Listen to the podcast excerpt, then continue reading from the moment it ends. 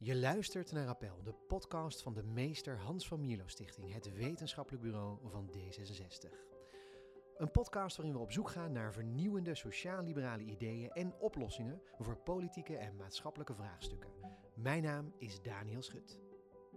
Nou, ik denk om daarmee te beginnen dat het einde van het neoliberalisme niet aanstaande is. Ehm, kijk ook naar het verleden. Het is heel erg moeilijk om van een eenmaal gevestigde beleidserfenis af te komen.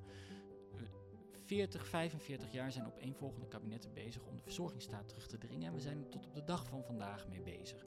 Ehm, omdat als je met nieuwe plannen begint, grijp je altijd in in een reeds bestaande situatie. Uh, waarin ideeën en beleidstradities diep gevestigd zijn. Dus dat zal met het neoliberalisme ook zo zijn. Neoliberalisme. Iedereen heeft het erover en geeft haar haar eigen draai aan. Maar wat is het nu precies? Terwijl politiek links alles wat niet bevalt graag neoliberaal noemt, is neoliberalisme volgens rechts juist een door links verzonnen mythe. Wie heeft er gelijk? In hun boek Neoliberalisme, een Nederlandse geschiedenis, beslechten Bram Mellink en Marijn Oudenamse dit debat. Ze leggen uit wat neoliberalisme precies voor ideologie is, laten zien dat Nederland een lange geschiedenis met het gedachtegoed heeft en zelfs inspiratiebron is geweest voor andere landen. En beide auteurs die verzorgen ook een mini-college tijdens het academieweekend van de Vermilo Stichting over sociaal liberalisme en kapitalisme. Ja, vandaag duiken we de geschiedenis van het neoliberalisme in met Bram Mellink. Hij is universitair docent geschiedenis aan de UvA, waarin hij zich verdiept in de opkomst van het neoliberalisme. En hij is ook postdoctoraal onderzoeker aan de Universiteit Utrecht. Hij promoveerde op een proefschrift over onderwijs in de geïndividualiseerde samenleving. Van harte welkom, Bram. Dankjewel. Fijn dat je er bent. Vertel eens om te beginnen, wat fascineert jou nou zo aan het neoliberalisme? Dat je er je levenswerk van maakt. Nou, levenswerk zou ik het niet willen noemen, maar um, die fascinatie was er wel heel duidelijk. Um, wat ik zo fascinerend vind aan het neoliberalisme, en, uh, en mijn collega Marijn Oudenamse ook, um, is dat het, uh, er is bijna niemand die zichzelf neoliberaal noemt. Uh, er zijn geen politieke partijen die zeggen wij zijn de neoliberalen, stem op ons.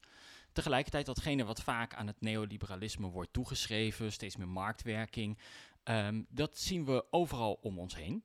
En dat roept natuurlijk heel erg de vraag op: waar zijn die eventuele neoliberalen dan? En hoe zijn we met al dat, bij al dat neoliberale beleid terechtgekomen? Dus het is eigenlijk die puzzel uh, die we hebben willen proberen op te lossen. Uh, waar komt dat neoliberalisme vandaan? Ja, nou, nou, willen we gelijk alles erover weten. En dan moeten we natuurlijk een goede ingang zien te zoeken. Dus laten we even een soort, ja, een beetje van afstand uitzoomen. Een beetje het helikopterview. Um, als ik voor het eerst op Wikipedia ga kijken over liberalisme, dan zie ik inderdaad dingen als klassiek liberalisme. Ik zie het liberalisme zoals D66 dat voor staat. Sociaal liberalisme en dan ook neoliberalisme. Als ik die drie labels naast elkaar leg, wat is dan het verschil tussen die drie? Ja, uh, dat, dat is eigenlijk kun je heel beknopt uitleggen. Um, het klassiek liberalisme gaat uit van het idee van laissez-faire. Dat betekent dat een markt volgens de klassiek liberalen het beste werkt als je hem op zijn beloop laat en dat de overheid een nachtwakerstaat moet zijn. Sociaal-liberalen zeggen nee, een markt die je op zijn beloop laat, dat gaat mis. Daar ontstaan te grote misstanden, te grote ongelijkheid. Dus de overheid moet ingrijpen en die markt eigenlijk indammen om daar wat aan te doen. Bijvoorbeeld met sociale zekerheid. Neoliberalen zeggen, die zijn het met de sociaal-liberalen eens dat de overheid moet ingrijpen. Maar zeggen je moet ingrijpen niet om de markt in te dammen, maar juist om de markt aan te jagen. En dat doe je door het concurrentiebeginsel van de vrije markt als overheid te bevorderen. En is dat echt de kern van het neoliberalisme? Dat je zegt een, een markt moet je maken? Ja, de kern van het neoliberalisme is de markt moet je maken. En een markt maak je niet zomaar, maar een markt maak je door als overheid zorg te dragen voor concurrentie. Want concurrentie, zeggen neoliberalen, is uiteindelijk de basis voor een gezonde economie. Maar het is ook de basis van onze vrijheid. Want alleen door permanente concurrentie kan niemand zomaar de macht naar zich toe trekken. En was dan ook de aanname dat door permanente concurrentie iedereen het goed zou krijgen? Hè, wat dan de zorg van de sociaal-liberalen was van als die, over, als die markt te veel macht krijgt, dan uh, vallen de mensen tussen wal en schip, ontstaan er misstanden. Uh, die zorg die hebben die, die, uh, die neoliberalen niet? Nou, dat, dat hebben neoliberalen via concurrentie willen oplossen. En dat is inderdaad een utopisch ideaal. concurrentie als de oplossing van zowel economische problemen, maar ook politieke problemen met name in de jaren waarin het neoliberalisme ontstond, namelijk de jaren 30 en 40, Mhm. het probleem van de totalitaire staat, zoals zich dat manifesteerde in Hitler-Duitsland, Mhm. maar ook in de Sovjet-Unie van Stalin. En, en maakten ze zich ook nog druk over sociale problemen? Die waren er natuurlijk ook zat in de jaren dertig. Ehm, ja, ze maakten zich wel zorgen om sociale problemen, maar ehm, hadden toch een sterk geloof dat het concurrentie, eh, als je maar concurrentie zou bevorderen door bijvoorbeeld monopolies en kartels kapot te maken, dat dit probleem zich uiteindelijk vanzelf zou oplossen. Ja. Ik vind Dat is niet gebeurd. Dat is Nee, niet gebeurd. Nou, dat was dat eigenlijk mijn eh, volgende vraag. Want het, interessante is dus, je zegt ze zijn begonnen, eh, de, de term is begonnen, of de filosofie is begonnen ergens in de jaren 30 van de 20e eeuw. Ehm, dat is al veel vroeger dan ik het in mijn eerste gedachten in, in gedachten had. Ehm, ma- maar is het dan gelukt na die Tweede Wereldoorlog, is het ze gelukt om monopolies op te breken en concurrentie te bevorderen? Nee, dat is eh, eigenlijk niet echt gelukt. En het is altijd een beetje de vraag ook wat met dat argument de precieze intenties zijn geweest. Eh, dat monopolie- en kartelargument is vooral door neoliberalen heel veel gebruikt tegen vakbonden. Het idee dat een vakbond eigenlijk een arbeidskartel is, dat je met een vakbond je eigenlijk als aan de arbeidkant van de economie organiseert om bijvoorbeeld eh, hogere lonen af te dwingen. En eh, dat soort monopolies, kartels, zouden kapot moeten worden gemaakt. Op zich, volgens de neoliberale filosofie, zou hetzelfde eh, moeten gebeuren met bedrijfsmonopolies. Eh, maar die kant van het neoliberalisme is veel minder sterk van de grond gekomen. En daar is misschien ook wel een reden voor, want al in de jaren 50 werd, eh, werd als kritiek op dat neoliberalisme geleverd. Nou, wanneer begint precies een monopolie? Wanneer begint precies een kartel? Dat is heel moeilijk. En het is ook de vraag of overheden er in de praktijk altijd tegen opgewassen zijn. Denk aan de Europese Unie vandaag de dag, die ook een mono- anti-monopolie- en kartelbeleid voert, maar niet zonder meer tegen Google ehm, is opgewassen. Om maar ik wou net vragen inderdaad. Dus dat is, het, het lukte zelfs de Europese Unie niet. eh, toch een orgaan van een hele grote club mensen bij elkaar. Zeker. Lukt het niet om een vuist te maken tegen in principe monopolist Google? Ja, zeker. En dat is natuurlijk dat is ook heel eh, interessant, omdat een van de tegenwerpingen die je vaak krijgt als je onderzoek doet naar neoliberalisme is, ja, dat neoliberalisme dat, dat bestaat toch eigenlijk helemaal niet in die vorm. Het is, het is leuk dat het op deze manier in boeken staat, maar kijk naar de praktijk. Die monopolies en die kartels zijn niet gebroken. Dat is natuurlijk helemaal waar. Ehm, maar het is ook niet zo dat als je in de Sovjet-Unie van de jaren 70 en 80 liep, dat had ook weinig te maken met het socialisme zoals het ooit is bedacht. Niettemin zeggen we niet dat de Sovjet-Unie niet uit het socialisme voortkwam. Dus dat zie je hier met het neoliberalisme ook. De wereld is er anders uit gaan zien dan sommige van die neoliberalen in ieder geval in hun boeken schreven. Maar dat betekent, daar kun je niet direct uit constateren dat het neoliberalisme niet bestaat. En want jij zei eh, aan het begin, ehm, je zei er is niet een partij die zich, eh, een partij voor het neoliberalisme. Er is eh, niemand die zich eigenlijk voorstelt van, nou, ik ben, ik ben neoliberaal qua politieke gezindheid. Dus het, het is wel alomtegenwoordig eigenlijk, maar het is een soort, een soort van ongrijpbaar. Ehm, terwijl het dus wel heel veel invloed heeft gehad. Hè? Hoe, hoe, hoe, het, het, het bestaat dus wel, het is geen mythe verzonnen van links, maar hoe, hoe heeft dat dan toch zo invloedrijk kunnen worden? Nou, dat, ja, dat, is, dat is eigenlijk één vraag. Maar de andere vraag die dan misschien nog... Ja, ik weet gewoon niet hoe ik het anders uit moet leggen. Ja, ehm, die daar misschien nog aan vooraf gaat, is hoe onderzoek je zoiets ongrijpbaars? Want dat is iets waar we heel erg mee hebben geworsteld. Ja, En dat was voor ons eigenlijk de voornaamste, het voornaamste argument om het verleden in te gaan. Omdat er namelijk in de jaren 30 en 40 wel degelijk mensen waren die zich neoliberaal noemden. Eh, een van de belangrijkste neoliberalen uit de geschiedenis, Friedrich von Hayek, was in persoon aanwezig bij een bijeenkomst waar de term neoliberalisme werd gemunt door neoliberalen zelf om hun denkbeelden mee aan te geven. Wat, wat voor bijeenkomst was dat? Dat was een bijeenkomst die belegd werd in, eh, in, in Parijs. Het Walter Liepmann colloquium, vernoemd naar een Amerikaanse journalist.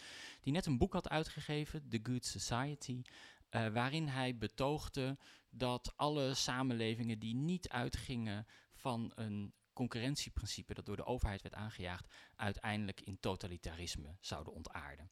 Dat is een argument wat heel dicht aan ligt tegen het boek The Road to Serfdom, eh, de weg naar horigheid letterlijk, of in de Nederlandse vertaling slavernij, Van Hayek dus van Hayek ja, zelf. ja. Ehm, dus je ziet dat die vroege neoliberalen eigenlijk onderling die term neoliberalisme eh, wel degelijk gebruikt om duidelijk te maken, dit zijn wij en dat is anders dan de klassiek liberalen. dus dat is dat neo van de... Dat is het neo. Ja. Het neo is eigenlijk, je overheid moet de markt aanjagen. Eh, maar tegelijkertijd kozen ze ervoor om zich bij het verwerven van invloed vooral invloed te zoeken met hun ideeën binnen bestaande partijen en geen eigen politieke partijen op te richten. En net als klassiek liberalen uit de 19e eeuw geloofden ze niet zo heel erg in politieke partijen. De liberalen in Nederland in de 19e eeuw zijn ook als laatste aan partijvorming begonnen. Ze geloofden aan in ideeëninvloed en ze dachten de echte invloed zit hem eigenlijk geen eens bij het parlement, maar bij de ambtenarij. Want de moderne staat heeft heel veel ambtenaren. Nou, als je op die manier naar invloed zoekt, dan heb je dus niet een soort ehm, motief om te zeggen: wij zijn de neoliberalen, stem op ons, want je doet niet aan verkiezingen mee. En als je in bestaande partijen wil opereren, ja, de meeste mensen in bestaande partijen zitten niet te wachten op een partij binnen de partij. Dus wat deden ze? Ze gebruikten onderling de term neoliberalisme wel. In hun geschriften gebruikten ze het veel minder. En tegelijkertijd, zo iemand als Hayek kwam wel rond voor zijn denkbeelden uit. In The Road to Serfdom lees je precies hoe zijn liberalisme verschilt van het klassiek liberalisme. Dus het is niet geheimzinnig, het is geen complot. Maar die term neoliberalisme, ze hadden gewoon weinig reden om dat te gebruiken. Ja, Eh, je, ja. je zegt nu het, het niet geheimzinnig, geen complot. Eh, als ik nu een eh, Facebook-scholar zou zijn, zou ik wel zeggen, nou, dat ziet er wel heel verdacht uit. Ze praten met elkaar op een of andere bijeenkomst in Parijs en dan gaan ze bij alle partijen infiltreren. Ho- hoezo is, noem je het geen complot? Nou ja, kijk, deze mensen waren in eerste instantie in Parijs bij elkaar. Gewoon om een, nieuw, een nieuwe vorm van liberalisme met elkaar uit te denken. Dat kun je in principe in- bij elke conferentie doen. Daar is niet zo heel erg veel geheimzinnigs aan. Ehm, dat neemt niet weg dat er wel degelijk complotten zijn geweest in de geschiedenis van het neoliberalisme. Er zijn Nederlandse neoliberalen geweest die echt doelbewust hebben geprobeerd te infiltreren in de Nederlandse middenpartijen van die tijd. Dat Heb je zijn, daar een eh, voorbeeld wacht. van? Ja, daar willen we natuurlijk alles over horen. Dit is, eh, ja. ja, dat is, dat is, dat is echt saillant. D- eigenlijk langs verschillende wegen. Dus de, de eerste manier waarop ze hebben geprobeerd te infiltreren, dit was in de jaren 50, was in politieke partijen. En dan gaat het om de voorlopers van, eh, met name de- om de voorlopers van het CDA. Dat waren er drie, de Christelijke Historische Unie, de Anti-Revolutionaire Partij. Die waren allebei protestants. En de grootste was de Katholieke Volkspartij, de KVP. En met name die KVP, wat op dat moment nog de grootste partij van Nederland was, daar zagen deze neoliberalen kansen. En wat zij eigenlijk wilden, was die partij splijten. Want de Katholieke Volkspartij had een werkgeversvleugel en een werknemersvleugel. En het was voor de partijtop een hele taak om die vleugels in één partij bij elkaar te houden. Ja. Want werkgevers en werknemers eh, hebben verschillende belangen. En nou, maak maar eens duidelijk aan je electoraat dat de eenheid van de kerk toch boven alles gaat. Wat deze neoliberalen eh, probeerden te doen. ehm, er was onrust bij de werkgeversvleugel omdat de Katholieke Volkspartij na de Tweede Wereldoorlog met de Sociaaldemocraten, met de Partij van de Arbeid ging regeren. Dat was, afgezien van het laatste kabinet voor de Tweede Wereldoorlog, nog niet gebeurd. Dus er was gemor in die werkgeversvleugel. En wat deze neoliberalen hebben gedaan, is die hebben contact gezocht met een oud-minister van Koloniën die tot die rechtervleugel behoorde, Charles Welter. En die hebben gezegd, als jij nou eens een eigen partij gaat oprichten, dat werd de Katholieke Nationale Partij, dan ga je met die partij onrust schoppen, waardoor er binnen de mensen die wel binnen de KVP blijven, rechtervleugel, eigenlijk alleen maar argumenten meer in handen hebben om tegen de partijleiding te zeggen, zie je wel, er ontstaat een rechtse eh, splinterpartij, we moeten naar rechts opschuiven. En als je dat een paar jaar hebt gedaan, dan keer je weer als paard van Troje terug binnen de Katholieke Volkspartij om daar op een beslissend moment de oppositie te versterken. Nou, dit is precies wat er met de Katholieke Nationale Partij is gebeurd. Heeft nooit meer dan twee zetels gehaald. Een paar jaar bestaan. Welter is uiteindelijk teruggekeerd. Dit, deze hele strategie heeft niet buitengewoon veel resultaat opgeleverd. Maar het interessante is natuurlijk de manier van denken die erachter schuil Ja. gaat. Hier zijn gewoon vergaderingen over be- belegd waar notulen van zijn achtergebleven. Met het doel om met ideeën te infiltreren. Dat stond ex- expliciet ook in die not- notulen die jullie Expliciet? hebben Ja, Dit is gezien. razend interessant. Dit We is weten razend dus- inderdaad. Charles Welter, maar wie waren dan die neoliberalen die dat deden? Die Eh, Nederlandse neoliberalen? Ja, dat is ook, Namen noemen? dat is ook een geweld. Ja, dat zijn allemaal namen die, je die je grotendeels niet zult kennen. Eh, er was een Delftse hoogleraar in het recht, Abraham Karel Josephus Jitta. eh, ooit nog lid geweest van de Vrijzinnig Democratische Bond. Een beetje een voorloper van net zeggen. D66. Ja. Eh, en hij was ook hoofdredacteur van oeh, of NRC of de Groene Amsterdammer. Nou, daar wil ik even van af zijn. Uh, maar een man van statuur. En er was uh, een, uh, een belangrijk ondernemer in Nederland, um, Henri Keus. En die was directeur van de Hengeloze elektrische oh ja, en mechanische apparatenfabriek. Oh, ja. Nou, de HEMAF, dat is een hele mond vol, maar de HEMAF was eigenlijk Nederlandse Siemens. Huishoudelijke apparatuur en treinen. Ze maakten samen met uh, werkspoor de Nederlandse treinen. En dit uh, zij was, zij waren zijn maar twee voorbeelden, maar het zijn twee grotere namen binnen die neoliberale netwerken die echt bezig waren om uh, op deze manier de Nederlandse politiek te beïnvloeden in de jaren 50. En een van de dingen die ze ook hebben gedaan, ook heel interessant, is een persimperium stichten. Een persimperium? Met het idee om via uh, aangekochte tijdschriften, om die in neoliberale richting te bewegen en de lezers daarmee te beïnvloeden. En de grootste aankoop die ze hebben gedaan, hebben ze wel weer heel snel moeten afstoten, maar was de, de Haagse Post. De HP? Okay. De HP. Jeetje. Van wow. HP de tijd. Ja. Ja. Dus dit laat... Ja, heel boeiend. Ja, uh, dit is echt... Uh, Jeetje. ja, we Zit, zitten uh, met open mond te luisteren. luisteren hier, ja. Grappig, hè? En Ja. toch zijn, want hè, er zijn complot in de geschiedenis, maar de geschiedenis is geen complot. Toch zijn deze gebeurtenissen uiteindelijk voor dat neoliberalisme niet ontzettend doorslaggevend geweest. Het is meer een vroege experimenteerfase geweest. De meeste van die experimenten zijn mislukt. En uiteindelijk trokken deze vroege neoliberalen vooral uit die mislukte eh, experimenten de conclusie: ja, we moeten niet via politieke partijen proberen invloed te winnen. We moeten dat doen via de weg van de ambtenarij. Ja, want jij, noemde ze al en je schrijft, jullie schrijven dat ook in je boek. Het waren uiteindelijk technocratische ministers en ambtenaren die die economie marktgerichter maakten en eh, die de overheidsfinanciën kortwiekten. Dus die eigenlijk dat neoliberale beleid gingen uitvoeren. Dus Ja, het is dus zeker. uiteindelijk aan de man gebracht door pragmatici en niet door politici. Ja, dat klopt. Eh, of het altijd pragmatici waren, dat weet ik trouwens niet. Want ook ambtenaren, dat bleek ook wel uit het boek, kunnen vaak hele politieke motieven hebben. Maar misschien verpakt in pragmatische maar wel soms verpakt in Ja. pragmatische taal. Maar een van de dingen die we ook wel merkten, en dat vind ik, heb- vind ik zelf ook wel ontzettend interessant, is dat Nederlandse politici, om omstreden beleid er doorheen te krijgen, heel vaak de kaart van het pragmatisme spelen. We nemen zakelijke besluiten, we zijn neutraal of zo neutraal mogelijk. Terwijl ambtenaren die minder in de schijnwerper staan, soms veel meer vrijheid voelen om heel openlijk met elkaar politiek te discussiëren over beleid. Dus in die zin, zelfs in hun voorkomen is de Nederlandse ambtenarij eh, lang niet altijd zo neutraal als je zou denken. Maar, maar voor een buitenstaander is als je, als je Hayek gaat lezen of andere benoemde neoliberalen, Ja. dan, dan is hun taalgebruik heel erg. Wij zijn economen, we zijn wetenschappers en daar zit geen, geen normatief kader voor, voor hun gevoel bij. Dat ze, ze proberen heel erg juist inderdaad te zeggen van, ja, maar dit is gewoon wat onze rekensommen laten zien. Dat is gewoon beter. Nou, dat geldt niet voor alle neoliberalen. De eerste twee zinnen van eh The Road to Serfdom van Hayek zijn... als een sociaal wetenschapper een politiek boek schrijft... heeft hij de... ehm, eh, dan moet hij dat openlijk te kennen geven. Punt. Dit is een politiek boek. Punt. Dat zijn de eerste twee zinnen van de, van The Road to Serfdom. Dus die vroege neoliberalen kwamen wel heel rond voor hun opvattingen uit. Maar het is wel in een later stadium geweest, zeker...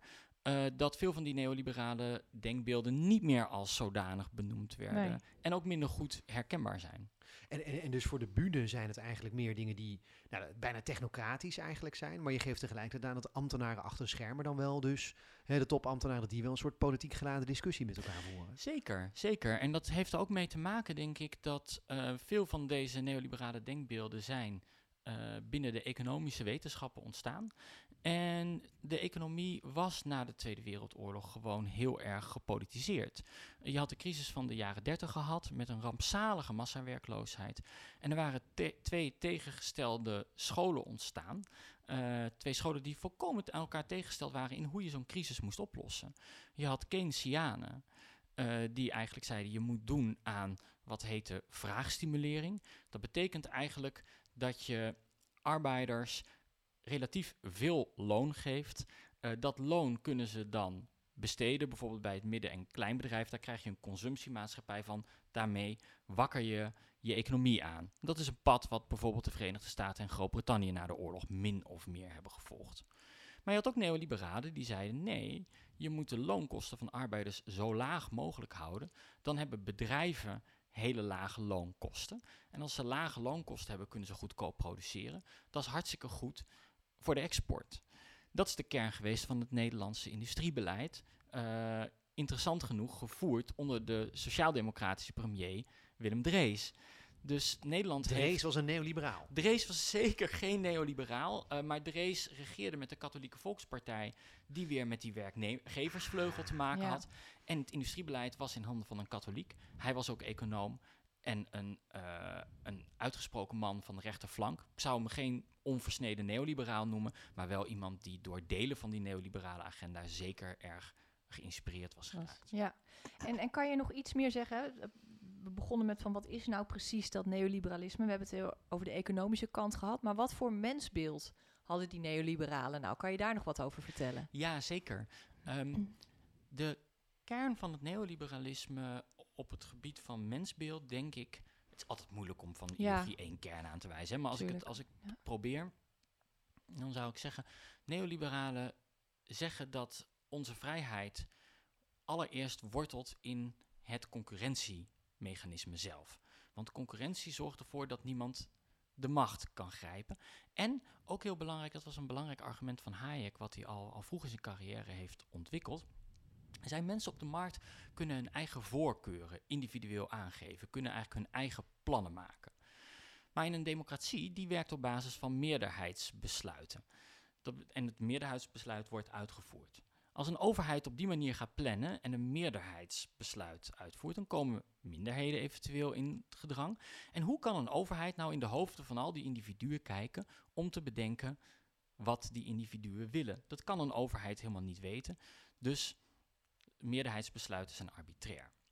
Nou, als je op die manier redeneert, zoals Hayek heeft gedaan, dan wordt onze vrijheid als mensen gewaarborgd door, helemaal niet door de democratie, maar door de markt.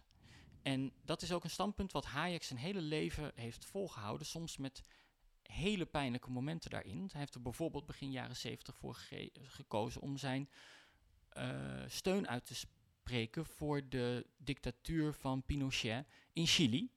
Eh, daarbij ook zeggende eh, dat de vrijheid uiteindelijk in de markten niet in het stemhokje wordt bepaald. En dat hij nog geen mens was tegengekomen in Chili die niet de eh, vrijheid groter vond onder Pinochet dan onder zijn socialistische voorganger Allende. Een hele pijnlijke uitspraak, want inderdaad, die tegenstanders van Pinochet waren niet te vinden omdat ze gemarteld Ik wou net zeggen, die hadden niks helikopter in te, die konden niks Ja. zeggen natuurlijk. Dus- konden niks maar zeggen. mensenrechten en dergelijke, dat, dat is gewoon niet belangrijk voor Hayek. Dat is allemaal eh margina, dat is, hè, dat is niet relevant. Het gaat om die concurrentie eh, die de vrijheid bevordert. Nou, ik, ik weet niet of hij mensenrechten onbelangrijk zou vinden. Hoewel er ook neoliberalen zijn geweest, zoals Wilhelm Rupke, die inderdaad hebben gezegd dat het mensenrechten denken een groot gevaar was. Ik weet eigenlijk niet precies hoe Hayek in die discussie stond. Maar belangrijk is in elk geval dat volgens Hayek niet de democratie eh, of de grondwet Ja. zelf de vrijheid waarborgt, ehm, maar de markt. Hè, en dat was ook zijn argument in eh, The Road to Serfdom. Eh, in dat boek zegt hij eigenlijk: eh, kijk naar Hitler-Duitsland, kijk naar de Sovjet-Unie. Eh, wat je ziet is een overheid die steeds meer gaat plannen. En uiteindelijk komt de menselijke vrijheid in het gedrang. Eh, daar is trouwens destijds al heel veel kritiek op geleverd. Want kijk nou eens goed naar die voorbeelden. Het is niet eh, met eh, hè, Lenin, hoe is hij aan de macht gekomen? Met een politieke revolutie. En daarna kwam de planeconomie. Het was niet alsof tsaar Nicolaas II al lekker een beetje met de planeconomie aan het knutselen was. En dat we als gevolg daarvan eh, Lenin hebben Je gekregen. zegt dus eigenlijk eerst werd de vrijheid afgepakt en toen Ja. kwam de En toen planeconomie. pas kwam Ja. de planeconomie. Ja. Hè? Dus, of ook Nazi-Duitsland, Hitler is onder moeilijke economische omstandigheden aan de macht gekomen. Maar die moeilijke omstandigheden, zijn vriend en vijand wel redelijk over eens, is omdat ehm, eh, het kapitalisme ontspoord was. Ja. Niet zozeer omdat er zoveel sociale zekerheid was. Dat zegt Hayek wel in The Road to Serfdom. Maar als dat zo was, waarom heeft de Verenigde Staten na de New Deal dan geen nationaal socialisme gekregen, bijvoorbeeld? En dus dit zijn best wel heel aanvechtbare eh, redeneringen. Maar het belangrijke is dat ze veel mensen hebben overtuigd. En dat eigenlijk deze reden- manieren van redeneren tot op de dag van vandaag ja, doorwerken in alle beleidstradities, of in, in een aantal beleidstradities die daarop eh, gebaseerd zijn. En die voor, die, die, die, degene die dat neoliberalisme eigenlijk hier, eh, hier aan, de, aan de man gebracht hebben, die, dat, die de voorlopers daarvan, de, de bronnen daarvan, dat waren ondernemers, welgestelde mensen. Dat waren, neem ik aan, geen arbeiders of mensen die het wat, wat moeilijker hadden? Nee, uh, arbeiders uh, niet. Uh, ondernemers waren redelijk vertegenwoordigd, maar nog veel meer wetenschappers, met name economen en ook wel juristen. Dat is ook wel interessant. Ja. Dat is ook heel interessant. Ja. En heel veel topambtenaren. Dus het zijn eigenlijk wetenschappers en topambtenaren die hier in, in deze geschiedenis heel belangrijk zijn geweest. Uh, dat waren onder andere uh, topambtenaren bij economische zaken. In de jaren 50 bijvoorbeeld uh, Albert Winsemius. Ik denk opa van Pieter, maar dat weet ik niet helemaal zeker. Wat ik wel weet is dat hij economisch adviseur ook van Singapore later is geworden. Um, en op het gebied van de overheidsfinanciën, toch ook wel saillant, Willem Drees junior, de zoon van premier Drees. En, en, hoe komt, je hebt het net al een beetje aangegeven. Hè? Ik, ik, wil eigenlijk vragen, hoe komt het dan dat die ambtenaren, die topambtenaren daar zo door bevangen zijn? En voor een deel zeg je net, dat komt omdat ze dat bewust, de, neo, de neoliberalen zijn bewust dat gaan opzoeken. Die wilden niet via de politieke partijen, maar juist via de uitvoering, via de haarvaten eigenlijk van de overheid misschien wel. Maar, maar dan blijft voor mij de vraag, waarom was dat dan het discours wat het won bij die discussies achter de schermen? Ja, nou dat, uh, vind, dat om heel eerlijk te zijn, vind ik dat een van de allermoeilijkste vragen om te beantwoorden. En een van de vragen die dat, een van de redenen waarom het zo moeilijk is om die vraag te beantwoorden, is omdat mensen heel veel verschillende motieven kunnen hebben om mee te werken aan neoliberale beleidsvorming. Eén motief kan zijn dat je denkt, nou, de vrijheid, onze vrijheid staat onder druk en alleen op deze manier kunnen we het redden en ik ga hier aan meedoen. Uh, maar de meeste neoliberale, uh, neoliberaal geïnspireerde ambtenaren waren zich vermoedelijk van die neoliberale oorsprong geen eens bewust. Die stapten gewoon een afdeling, daar waren bepaalde denktradities, daarin herkenden ze dingen uit een studie, bijvoorbeeld economie, en die, gingen, uh, uh, die werkten daaraan mee. Um, zonder de oorsprongen van te kennen. Of academici die in een bepaald deel van hun veld carrièrekansen roken en daar gewoon mee bezig zijn gegaan. Uh, dus het hoeven niet altijd, je kunt ook zelfs zonder politieke motieven of een heel scherp politiek bewustzijn toch een bijdrage leveren aan de verspreiding van neoliberale denkbeelden. Uh, voor Nederland denk ik dat in ieder geval heel belangrijk is geweest dat Nederland direct na de Tweede Wereldoorlog, heel snel daarna, ervoor heeft gekozen om uh, met name op het gebied van de economische politiek en industriebeleid min of meer één lijn te trekken met Duitsland. En dat betekende het bevorderen van de exportindustrie door lage loonkosten. Uh, en dat betekende dat Nederlandse bedrijven dus goedkoop konden produceren, wat ik eerder uh, al noemde. In het economisch debat kozen dus de kant van de, de anti-Keynesianen. Ja, precies. Dus, en als ja. je eenmaal zo'n besluit hebt genomen in je economie, van we moeten het hebben van onze lage loonkosten, dan krijgen we een grote exportsector. Nou, als die grote exportsector er eenmaal is, dan kom je daar niet zo 1, 2, 3 meer van af. Want er staan er, ik weet niet hoeveel banen op de tocht. Ja. Dus het creëert ook een soort ja, padafhankelijkheid, waarvan ik niet wil zeggen dat die totaal niet te keren is zoiets kan. Maar de meerprijs wordt hoger. Wordt lastiger.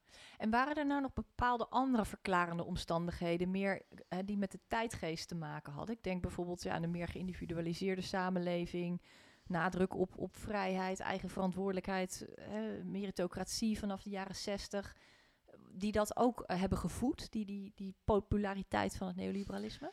Ik schat de invloed van die factoren eigenlijk niet zo heel hoog in. En dat komt omdat je concepten zoals vrijheid en zelfs individuele vrijheid op heel verschillende manieren kunt interpreteren.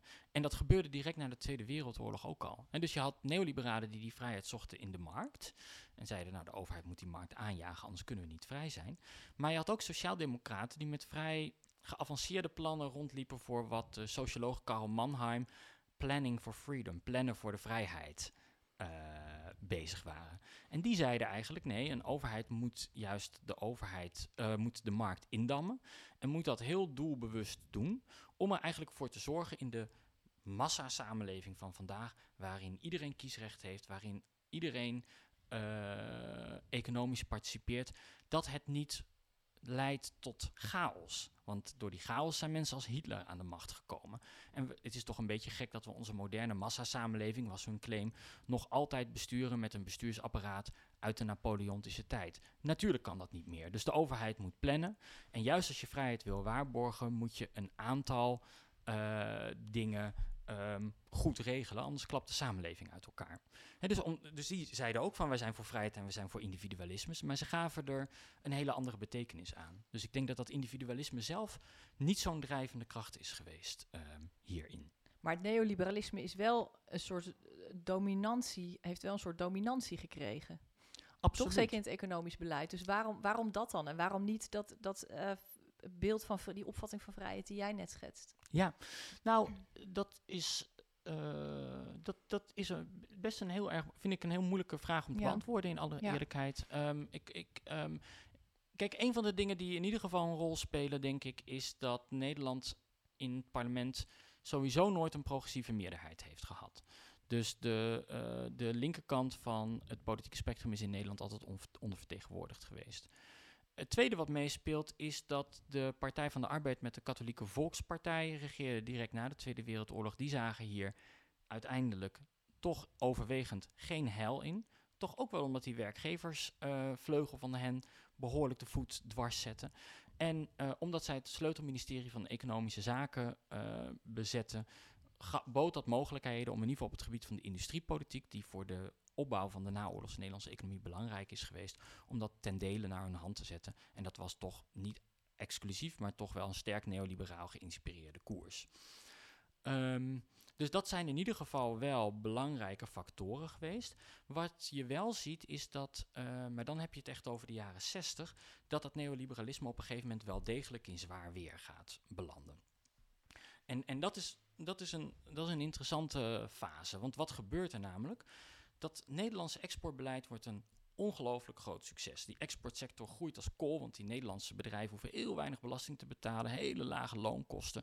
Dus die kunnen tegen een bodemprijs hun producten leveren op de internationale markt. Het gaat heel goed met de Nederlandse export. Maar zo goed dat begin jaren 60, het lijkt een beetje op deze tijd, het aantal vacatures hoger is dan het aantal werklozen.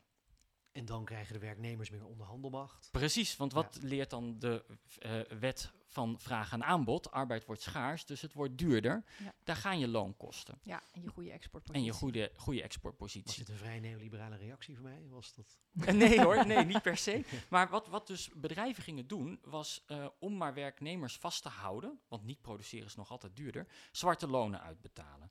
Dus werknemers kregen extra loon, ehm, wat niet mocht, want de Nederlandse overheid voerde een geleide loonpolitiek om de loonkosten te drukken. Maar illegaal kregen ze extra loon. En uiteindelijk heeft de overheid dat hele systeem moeten loslaten, waarna de loonstijgingen enorm waren. Ik geloof in het eerste jaar dat werd losgelaten was, dacht ik, 63, 8 procent. Toen 10,5 procent. Toen 15 procent. Nou, het, dat, die loonstijgingen waren gigantisch. Daardoor kreeg de factor arbeid, kreeg vakbonden een veel sterkere onderhandelingspositie. Maar die vakbonden begrepen ook wel dat als die loonkosten door het plafond zouden gaan, ja, dat je uiteindelijk weer werkloosheid terugkreeg. Dus wat hebben die gezegd bij de kabinetsformatie van 1963? Er werd toen een centrumrechtskabinet geformeerd. Die hebben eh, toen het voorstel gedaan, wat nou als wij nog één keer naar onze achterban teruggaan met het idee, met de boodschap dat de lonen gematigd moeten worden, maar onze arbeidersachterban wil niet eeuwig de kosten voor de wederopbouw blijven betalen. Dus in ruil daarvoor moet dan de publieke sector groeien. En dat is het moment geweest dat de Nederlandse verzorgingsstaat in Nederland is geëxplodeerd. Onder de kabinetten Drees is bijna niks bereikt. Vooral de Algemene Ouderdomswet, maar dat stelde internationaal vergelijkend weinig voor. Een hele sobere regeling.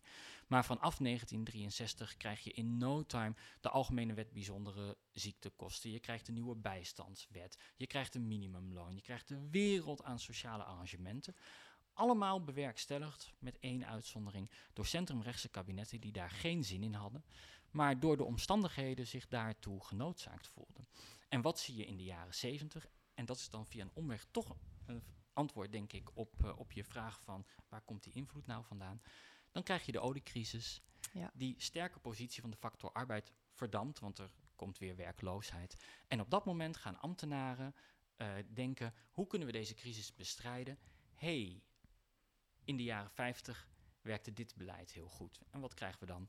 A- akkoord van Wassenaar, opnieuw Een loonmatiging. nieuwe golf eigenlijk van neoliberalisme. Een nieuwe liberali- Ja. een neoliberaliseringsgolf. En nu we het toch over eind jaren 60, begin jaren Ja, 70 hebben. Eén getal, daar denken we nu aan. Precies, Ja. waar we natuurlijk heel erg benieuwd naar zijn. Hoe zit het met D66? Hoe verhield die partij zich tot dit gedachtegoed? Ja, dat is, dat is altijd een. Dit is een klein beetje de vraag. Kijk, ehm, de manier waarop we ons onderzoek hebben opgezet was om juist niet primair naar politieke partijen te kijken, hè, maar naar die ambtelijke lijn, omdat Ja. daar de meeste invloed liep. En tegelijkertijd kijk je natuurlijk wel naar momenten waarop er in partijen Ja, je noemde die infiltratie in de, de. CDA. Ja. De, de, meestal is er gezocht naar invloed in de middenpartijen, waarmee dan de klassieke grote partij bedoeld werd, VVD, CDA, Partij van de Arbeid. Eh, en in ons onderzoek hebben we dus ook vooral naar die partijen gekeken en minder naar de destijds kleinere partijen, zoals D66. Maar D60 heeft wel een saillante rol gespeeld op momenten. En dat geldt vooral voor eh, het eerste Paarse kabinet van 1994 tot 1998. Toen is er namelijk een eh, hele grote operatie geweest, voorbereid door ambtenaren, waaronder de PvdA Ad Geelhoed. En die operatie heette de Operatie Marktwerking, Deregulering en Wetgevingskwaliteit. En het idee- Welluidende naam. Ja. Een welluidende naam. En ehm, dat was een, ehm, een hele grote operatie om eigenlijk als toetssteen voor, een toetssteen voor wetgevingskwaliteit in te voeren. En dat was of de wetgeving bijdroeg aan marktwerking, ja of nee. En uit deze operatie zijn in totaal, ik dacht iets van, maar ik spreek uit mijn hoofd, iets van 80 projecten geweest om in allerlei eh, plekken in de publieke sector marktwerking te realiseren. Dus al die wetten, al- alle wetten werden daarop getoetst. Dat dan. was het idee, dat het Ja. een algemeen toetsingskader wordt en dat allerlei ambtelijke groepen bezig gingen in allerlei, of het nou om de liberalisering van de taxibranche ging, of nou, Ja, noem het maar op. Zorg, Eh, onderwijs. zorg, onderwijs, om de mogelijkheden voor wetgeving te beproeven en dat uit te voeren. En die eh, eh, operatie, die ambtelijk dus was voorbereid en met de formatie van Paars al op tafel lag, werd politiek geleid door twee D66-ministers, namelijk Hans Weijers van, eh, die zat op economische zaken en Winnie Zorgdrager op justitie. Met name economische zaken was heel belangrijk, want die leverde altijd de voorzitter en de secretaris van die commissies. En dat geeft heel veel ehm, invloed. Dus dat is bijvoorbeeld een, die, markt, die MDW-operatie, marktwerking, deregulering, wetgevingskwaliteit, is heel belangrijk geworden om een van oorsprong tamelijk economisch-financiële logica ook buiten die economische wereld in de rest van de publieke sector te verspreiden. En daar zijn, ja, hebben gewoon twee D66-ministers eh, niet qua idee het voortouw genomen, maar ze hebben het wel politiek geleid. Maar ik hoor je dus nu eigenlijk zeggen, het voortouw is genomen door een topambtenaar, eh Ad Geelhoed, en die was dan toevallig PvdA. Die maar, was dan toevallig P van de A. Ja. ja. maar ook daar zie je dus weer dat eigenlijk de ambtenarij dus voor opliep in zekere zin eh, en Ja. de politiek er een beetje achteraan kwam. Ja, zeker. En dat is toch, nou, ook wel, vind ik, een wat zorgelijke constatering. Want zoals het staatsrechtelijk in elkaar zit, is de politiek verantwoordelijk en eh, zouden voorstellen moeten aandragen en ambtenaren voeren dat uit. Eh, maar wij hebben heel vaak in ons onderzoek gezien dat het andersom is. Dat ambtenaren met de ideeën komen en politici voor het draagvlak moeten zorgen. En dat is gek, want dat is inderdaad ongecontroleerd. Dat is, dat Ja. is, eh, dat is, geen, ge- dat is technocratische macht en die wordt niet democratisch gecontroleerd. En je zegt van, hé, jullie hebben niet gekeken echt naar partijen, maar meer naar de ambtenaren. Klopt. Ehm, dus heb je wel een beeld, of, of hebben jullie wel een beeld kunnen vormen van, hè, misschien niet in dit specifieke onderzoek, maar wel eh, gewoon als, kranten, als krantenlezer, als, als, als volger van politieke partijen, van hoe partijen zich ertoe verhouden, misschien ook wat meer recent? En dan ben ik vooral benieuwd naar D66 inderdaad. Wat, Ja. jullie, wat hebben jullie daar gezien? Ja, dat begrijp ik. Eh, nou, wat mij, maar hier spreek ik inderdaad als, als krantenlezer, maar wat mij vaak eh, van D60 wel opvalt, is een, naar mijn idee, verhoudingsgewijs groot vertrouwen in ehm, ambtenarij en technocratie sowieso. Wat ik als buitenstaander altijd wat wonderlijk vind voor een partij die eh Democraten 66 heet en het primaat van de democratie eh, ook heel belangrijk zegt te vinden. Ehm, eh, ik zou nog niet D60 nou direct van een DT-fout eh, eh, willen betichten. dat D66 eigenlijk Technocraten, D66. D66 zou zijn. Ehm, maar maar dit, is, dit is wel opmerkelijk. En het, ik vind het ook in het licht van die geschiedenis met Hans van Mierlo wonderlijk. dat D60 dus bijvoorbeeld ten tijde van Paars. eh, ja, toch een hele belangrijke rol hebben, hebben gespeeld, heeft gespeeld in toch veel macht ook overdragen naar ambtenarij die dit in de praktijk leiden. En daarmee dus aan de markt en niet gezegd hebben van... hé, hey, maar dit past niet bij onze beginselen van uh, democratie. En ons ja, wezen. want eigenlijk, hè, eh, op, weer terugkomend op die boodschap van Hayek, uh, de markt waarborgt onze vrijheid, niet de democratie. Nou, het lijkt me niet per se de boodschap van D66. Ehm, en uh, het is natuurlijk ook een manier om eigenlijk economische besluitvorming buiten de sfeer van de democratische, of uh, ja, economische processen ja. buiten ja. de sfeer van de democratische besluitvorming te plaatsen. Ja. En, en dat is uh, in ieder geval een thema met alles wat we hebben gehad met marktwerking en de participatiesamenleving en efficiëntie, waar uh, nou, het zou ook niet verrast zijn geweest als D66 zich daar wat openlijker op zou bezinnen, laat ik het zo zeggen. Ja. Ja. De, de, vraag is natuurlijk wel wat je dan precies verstaat onder types van democratische besluitvorming. En dat zijn hele andere podcasts waar we ons mee bezig hebben gehouden. Ja. Hoeft niet alleen representatief te zijn, maar kan ook participatief zijn. Dat is Uh, waar, maar de spelregels moeten wel duidelijk zijn. Ja. En uh, ik zou zeggen dat je in ieder geval bij democratische besluitvorming een duidelijk controlemechanisme uh, waar iets van uh, Ja. volksrepresentatie in zit, aanwezig zou Ja. moeten zijn. Ja. Dat zie je niet het geval. Ja, Ja. helder. Ja. Ja. Wat ik ook wel heel boeiend vond in jullie boek, hè, jullie spreken ook van een, een derde golf van neoliberalisme. Het lijkt wel corona. Vanaf Ja. de jaren 2010. Eh, zelfs eh, Lodewijk Asscher leek overtuigd van de noodzaak hè, om vooral te bezuinigen in crisistijd. Ehm, eh, koning Willem-Alexander zei in 2013 in zijn troonrede dat de verzorgingsstaat zou plaatsmaken voor die beruchte participatiesamenleving.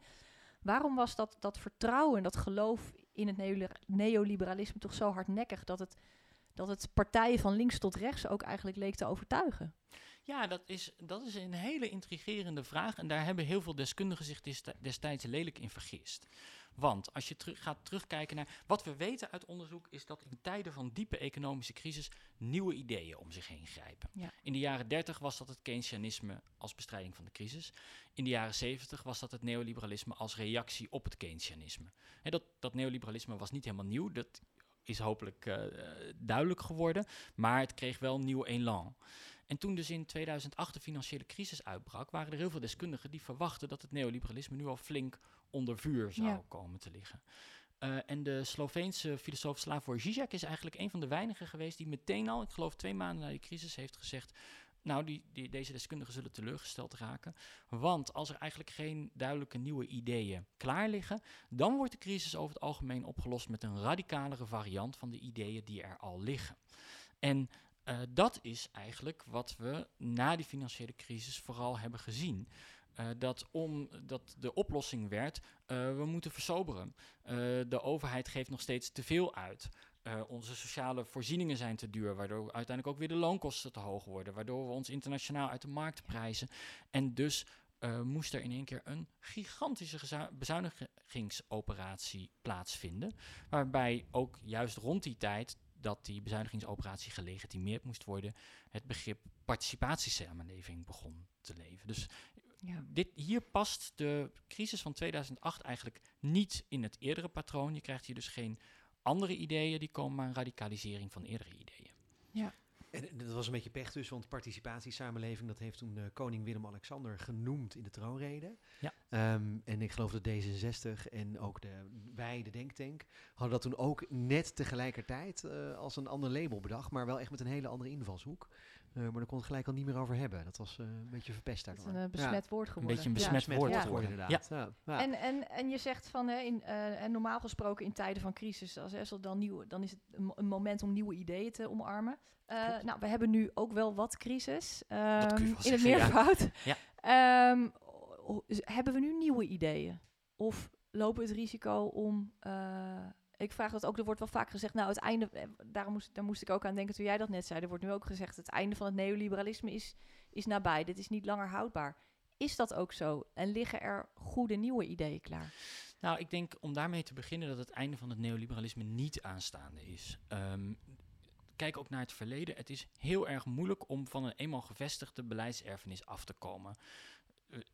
Uh, 40, 45 jaar zijn opeenvolgende kabinetten bezig om de verzorgingsstaat terug te dringen. En we zijn er tot op de dag van vandaag mee bezig. Um, omdat als je met nieuwe plannen begint, grijp je altijd in in een reeds bestaande situatie. eh, waarin ideeën en beleidstradities diep gevestigd zijn. Dus dat zal met het neoliberalisme ook zo zijn. Tegelijkertijd eh, staat er nu natuurlijk een enorme klimaatcrisis voor de deur. Of die staat geen eens voor de deur, die Ja, is al begonnen. Zitten we middenin? We ja. zitten in eh, toch min of meer een oorlogssituatie, met, waarbij we het ook met de gasprijs en de inflatie merken dat er gigantische problemen Ja. ontstaan. Ik denk dat we ons de niet plannende overheid gewoonweg in deze omstandigheden niet kunnen veroorloven. Ehm, en, en dat, dat zaken aan, aan marktpartijen overlaten een hele ja, te indirecte manier van sturen is voor dit soort problematiek. Als mensen zo snel onder water eh, komen te staan. En ik denk bovendien dat veel van die argumenten dat de markt onze vrijheid eh, zou verzekeren, inmiddels wel behoorlijk aan geloofwaardigheid hebben ingeboet. Dus ik zie in deze omstandigheden zeker kansen eh, voor andere vormen van politiek. Die misschien weer meer de andere kant eh, opgaan en meer breken met die neoliberale traditie. Ja, of de andere optie is het wel doorvoeren van je- een Hayekiaanse visie. Maar ja, dan zullen we er eh, ja, mee moeten leven dat de aarde naar de Filistijnen gaan en dat we daar dan in vrijheid voor hebben gekozen. Mhm. Maar ja, ik denk dat we daar niet zoveel voor kopen. Nee. Hoe voorkom je dan, hè, als we nu zo- zoeken naar nieuwe ideeën, hoe voorkom je dan dat je als, als politieke gemeenschap eh, teruggrijpt op andere alternatieven die uit de geschiedenis die ook weer hun nadelen hebben? Nou, dat is moeilijk, denk ik. Maar ik denk dat het eerste wat je moet doen in het licht van die geschiedenis van het neoliberalisme, is eerst eens kijken of die neoliberale kritiek op bijvoorbeeld de plannende overheid, of die eigenlijk fundamenteel wel klopt. Is het wel zo dat een overheid die plant, die met plannen komt, dat die het gevaar loopt totalitair te worden. Ik zou zeggen dat hangt er helemaal van af onder wat voor controle die overheid staat. Of onder welke controle de ambtenarij staat. Ik denk dat een, een gebrek aan democratische zeggenschap, dat het veel gevaarlijker is als alles maar naar de ambtenarij wordt doorgeschoven, dan als je het onder democratische eh, controle zou plaatsen. Dus ik denk dat je, dat je van daaruit zou moeten beginnen. En mijn eerste boodschap zou dus zijn dat we de, de plannende overheid gewoon hard nodig hebben en misschien een beetje over onze koudwatervrees heen moeten stappen. Tegelijkertijd denk ik wel dat het, eh, en dit is ook al een oude sociaal-democratische en sociaal-liberale vraag geweest, de mensen die met planning bezighouden direct na de oorlog, eh, die dus eh, hebben meteen de vraag gesteld, ehm, wie moeten de planners controleren? En Ja. dat is natuurlijk Ja. vanaf het begin bij het uitdenken van die procedures iets. Je kunt niet zomaar zeggen het klimaatprobleem is zo belangrijk, we geven alle macht aan één partij en die moet het dan, eh, namelijk de overheid, en die moet het oplossen. Ja. Je moet procedures eh, hebben. Maar is er toch niet reden voor wat meer optimisme? hè? Jij zegt van nee, dat neo- neoliberalisme, dat einde is echt nog niet nabij. Maar toch wordt op veel terreinen wel de noodzaak voor een veel actievere overheid erkend. Hè? Ja. Volkshuisvesting is, Ja. of, of huisvesting is een, is een belangrijk onderwerp. Daar wordt nu echt door links, van links tot en met rechts, wordt er gezegd van nee, dat, dat, dat, die overheersing van de markt, dat is gewoon niet goed gegaan. Volkshuisvesting moet weer de norm worden, daar moet de overheid meer ingrijpen. En zo Ja. zijn er wel meer terreinen. Dus is dat toch niet, ehm, ja, kunnen we toch niet wat optimistischer zijn daarover? Nou, weet je, ik, ik heb het eigenlijk niet zo pessimistisch bedoeld. Want ik, ik ben absoluut van mening dat het, het kan in de politiek gewoon soms onder uitzonderlijke omstandigheden heel snel gaan. Ja. Ehm, eh, dus, dus hier kunnen, als er echt breed gedragen bereidwilligheid is, eh, zouden dingen snel kunnen veranderen. Ja. Eh, maar ik zie wel, wel twee obstakels. Het ene heeft te maken met de kiezer zelf omdat er aan de ene kant kiezers denk ik meer van de overheid eh, verwachten, maar tegelijkertijd toch ook heel goed die retoriek kennen van een wantrouwen tegen een te sterke overheid. Ja. We hebben dat natuurlijk in de coronacrisis ook op allerlei manieren gemanifesteerd gezien. En als je dat zo lang tegen kiezers eh, hebt gezegd, dat een sterk eh, intervenierende overheid gevaarlijk is, ehm, nou, het is de vraag hoe snel je het mensen weer uit hun hoofd kunt praten. Ja. Ehm, het tweede is dat de overheid heeft niet alleen zich aan die politieke taal bezondigd, maar de, eh, er is ook gewoon heel veel ambtelijke expertise uitbesteed aan marktpartijen die je niet zomaar meer in huis hebt. Volkshuisvesting is een prachtig voorbeeld. Nou, prachtig, maar het is een voorbeeld, een duidelijk voorbeeld.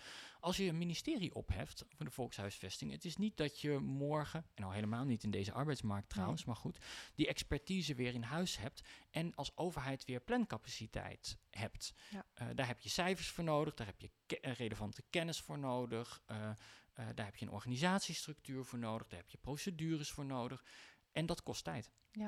Maar toch lijkt het alsof je net ook hoorde zeggen dat er binnen de sociaal-liberale traditie wel nog ideeën geleefd hebben en misschien weer tot leven gewekt kunnen worden om, om die kant op te gaan. Dus wa- wat is er uit die sociaal-liberale traditie, iets van vroeger waarvan je zegt, als we dat nou weer eens meenemen, dan, dan gaat het weer de goede kant op. Nou, ik denk dus ehm, dat, dat dat geloof in een plannende overheid en het willen nadenken over hoe dat te doen, dat dat uiteindelijk de kern van alles is. En dus ook dat we ons realiseren, en dat is misschien nog wel fundamenteler, dat we als het om het economisch leven, eh, hoe we dat inrichten, een keuze hebben. Economie is geen natuurverschijnsel. We kunnen met elkaar nadenken hoe we die economie willen inrichten, hoe we willen dat de overheid zich tot de markt eh, verhoudt. En in dat opzicht ben ik hoopvol, omdat eh, een van de meest inspirerende dingen die ik heb geleerd van, van deze neoliberalen, hoe kritisch ik ook over hen ben, wat, ik, wat ik heel sterk van ze vind, is dat ze eigenlijk altijd de inzet van ideeën primair hebben gemaakt. Zo'n Hayek komt er openlijk voor uit, dit is een politiek boek, dit zijn mijn ideeën, daar heeft hij goed over nagedacht, dat heeft, is hij openlijk de bühne mee opgegaan. En ehm, ik denk ook dat er eh, in, eh, aan de andere kant van het politieke spectrum ook volop ideeën zijn die ehm, mogelijkheden bieden tot uitwerking als de kansen zich aandienen. En in die zin Ja. leven we nu in een gunstige Ja. tijd. Tegelijkertijd wordt er wel ook veel gesproken over ideeënarmoede binnen de politiek. En lijkt het ook wel of politici wel vaak worstelen met die ideeën. Je noemde zelfs net al in ieder geval de, de, de coronacrisis, waarin dus wat, die dus vrij technocratisch werd aangepakt. Ehm, waarom is dat? Waarom vind, is, dat, is die ideeën, wat is er toch zo moeilijk aan die ideeën? Waarom worstelen we daar zo mee? Nou, ik denk dat als je alleen al kijkt naar de structuur van politieke partijen zelf, dat je daarin kunt zien dat er gewoon lang niet meer in ehm, eh, ideologie en politieke ideeënvorming is geïnvesteerd eh, in, in Den Haag. Of in ieder geval in politieke partijen, moet ik eigenlijk zeggen. Ehm, dat zie je bijvoorbeeld aan eh, hoe klein wetenschappelijke bureaus van veel politieke partijen inmiddels geworden zijn Wij doen ons best. Ja. een wetenschap. Ja, precies. Maar dat is, is gewoon heel klein. En dat is een, gewoon een ingewikkelde positie. Daar komt bij dat er eh, ook veel politieke partijen zijn, niet allemaal, maar waar het ehm, wetenschappelijke bureau zich vooral laat voorstaan op eh, haar onafhank eh, zijn onafhankelijkheid ten opzichte van de politieke partij. We horen bij bijvoorbeeld de VVD als stelderstichting, maar we willen wel graag onafhankelijk zijn. Ehm, lijkt me altijd een beetje een contradictio in terminis als je toch min of meer bij een partij hoort. Maar het leidt er ook toe dat het meer een soort, ja, vaak een beetje bespiegelende historische ideeënvorming wordt in plaats van iets wat bijdraagt om politieke principes en een politieke agenda fundamenteel te doordenken. Wat is die kracht, waar zit die kracht van die ideeën nou zo voor jou in? Waarom is dat zo belangrijk, die ideeën? Ik denk dat alleen als je een. Dat, dat we onderschatten hoe belangrijk het is als je echt iets wil bereiken in de politiek, meer dan een eigen eh, carrière of voor jezelf zoveel mogelijk invloed. Als je inhoudelijk iets wil bereiken, moet je weten waar je voor staat en waarom je daarvoor staat. Omdat het ook de enige manier is eh, waarop je eh, mensen kunt overtuigen.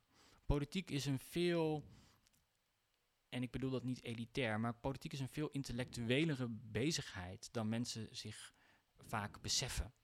En als je als politici hier niet over nadenkt, dan wordt het denkwerk wel door anderen voor jou gedaan. En je moet je afvragen of je voor die karretjes wil laten spannen. En dat kun je alleen maar doen door zelf te weten waar je staat. En eh, vandaar dus ook dat, eh, nou, dat bijvoorbeeld deze neoliberalen er altijd zoveel tijd in hebben geïnvesteerd. eh, om hun ideeën te doordenken, niet los van de politiek, maar om politieke invloed te verwerven. Dus we kunnen wat leren eigenlijk van de neoliberalen. We kunnen heel veel leren van de neoliberalen. Een goede om mee te nemen, dat is... eh, Ja, zeker. Ja. Dat- dat- Ja. Ik vond het wel interessant, want toen je dus in het begin beschreef over hoe de neoliberalen de ambtenarij eigenlijk geïnfiltreerd hebben, Ja. moest ik heel erg denken aan een andere politieke partij die momenteel scholen begint. Ja. en Die ook zegt, we beginnen Ja. een eigen zuil. Ja. Ehm, ja, dus dat is, eh, dat, dat, dat is dus de strategie die je eigenlijk moet volgen. Helemaal niet met een politieke partij, maar juist de ideeënwereld daarin leven. Ja, Forum voor Democratie is een partij die heel erg ehm, ideeënvorming centraal stelt en daarmee ook het, eh, het de- debat zoekt, probeert te beïnvloeden, invloed probeert te verwerven. Maar ik denk ook dat een politicus als Pim Fortuyn op dat gebied echt is onderschat. En dat is natuurlijk toch een partij die eh, ja, één keer 26 zetels heeft gehad, maar dat was binnen een paar maanden voorbij. Electoraal heeft niet zoveel voorgesteld. Ja. Maar de invloed die het heeft gehad op hoe de Nederlandse politiek in elkaar zit, is enorm. Nou stellen wij als slotvraag altijd eh, de vraag, eh, stel dat je minister van Economie was, maar ik twijfel eigenlijk of ik dat nu aan je wil vragen. Misschien wil ik wel vragen, stel je nu voor je was de SG bij Economische Zaken of je was voorzitter van een conferentie zoals de Walter Lippmann Conference. Ja. Ehm, ik zou maar zeggen, bijna kies je rol zou ik zeggen. Ja. Wa- Wat zou jij nu, jij zelf, als eerste doen om dat neoliberalisme voor goed uit te bannen? En zowel de economie, maar niet alleen de economie, eh, misschien ook wel onze democratie en samenleving rechtvaardiger te maken. Ik zou er als allereerste in investeren om eh, te bedenken hoe je eh, weer terug eh, de, de kennis die binnen het opa- overheidsapparaat verloren is gegaan, weer in huis kunt halen. Binnen een departement economische zaken denk ik dan vooral ook aan klimaatbeleid, wat daar interessant genoeg trouwens ook onder, onder valt. En ehm, vervolgens ehm, eh, goed na te denken, ho- ho- hoe kun je die kennis terug in huis halen? Hoe kun je daarmee op het gebied van eh, klimaatverandering een plan bedenken eh, waarmee je die klimaatverandering ook daadwerkelijk, of plannen bedenken waarmee die klimaatverandering te lijf zou kunnen gaan.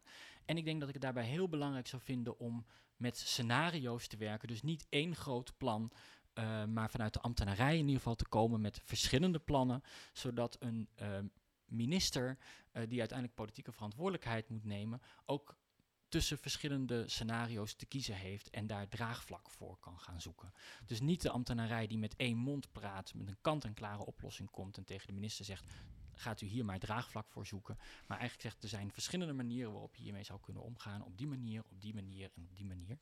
En eh, in die zin ook al bij je eigen debat organiseren. Mhm. Want eh, dat inhoudelijke debat lijkt me voor een democratie van vitaal belang. En Hoor ik, ja, sorry Suzanne, ga je gang. Ja, Ja, ik wou ja. inderdaad nog vragen van, eh, ik, eh, met, als het gaat om dat ideologische bewustzijn en, en eh, die denkbeelden, hoe zou je, zou je dat nog op een bepaalde manier ehm, meer voeding geven? Bij, zo- zou je zo'n minister ehm, meer kunnen voeden met ideeën of dat, dat bewustzijn daarvan wat meer vergroten? Eh, ja, dat denk ik wel. Eh, maar ik denk dat dat eh, ook op een, voor een deel vanzelf ontstaat als je er weer naar gaat streven om die plancapaciteit in huis te halen. Omdat je jezelf daarmee in een positie plaatst dat niet marktpartijen, maar jij als overheid van dingen iets zou moeten vinden. En daarmee wordt het Ja, debat denk zo, ik je- ook weer inhoudelijker. Oké, dus dat je die, die, het functioneren, dat je de overheid eigenlijk slagvaardiger maakt. Dat je de overheid slagvaardiger Ja, maakt. en dat er dan meer ruimte ontstaat voor ideeën. Precies. En hoe dat in het verleden denk ik vaak is gegaan, is dat de ambtenarij dan met één eh, voorstel komt voor een bepaalde kwestie. Ja, zo van dit is het en we hebben met deskundigen gesproken Precies. en dit eh, zet en daar dit maar je nou handtekening en klaar. En, en, en dat is natuurlijk voor politie vaak ook lekker makkelijk, Ja, want dan kun je ja. achter je eigen ambtenaren ja. verschuilen. En ik denk dat het veel gezonder zou zijn, ook voor de democratische controleerbaarheid, om met ehm, sterk van elkaar verschillende scenario's het- te werken. Want het interessant is, hè, je pakt het specifieke probleem van klimaatverandering erbij. Een van de Ja. grootste problemen waar Nederland voor staat, maar de Ja. wereld misschien ook wel. En als ik het nu even goed heb, ehm, is het nu zo dat die scenario's die je noemt, die zijn een jaar geleden in de media gebracht in publieke debatten door Deltaris. Ja. Ehm, in samenwerking weliswaar met Rijkswaterstaat, maar hoofdzakelijk Deltaris. Ja. Ehm, dat is dus in principe een marktpartij. Dat is gewoon een bureau van onderzoekers is dat. Maar er is dus, ja, welke keuze het wordt, dat weten wij dus als burger eigenlijk niet. Welke kant we op gaan. Nee, en, en vooral ook, ehm, eh, het is niet zo heel erg duidelijk dan eh, als, als marktpartij zich hier te- tegen, tegenaan bemoeien, waar, wie nou precies voor welke boodschap eh, Ja. verantwoordelijkheid draagt.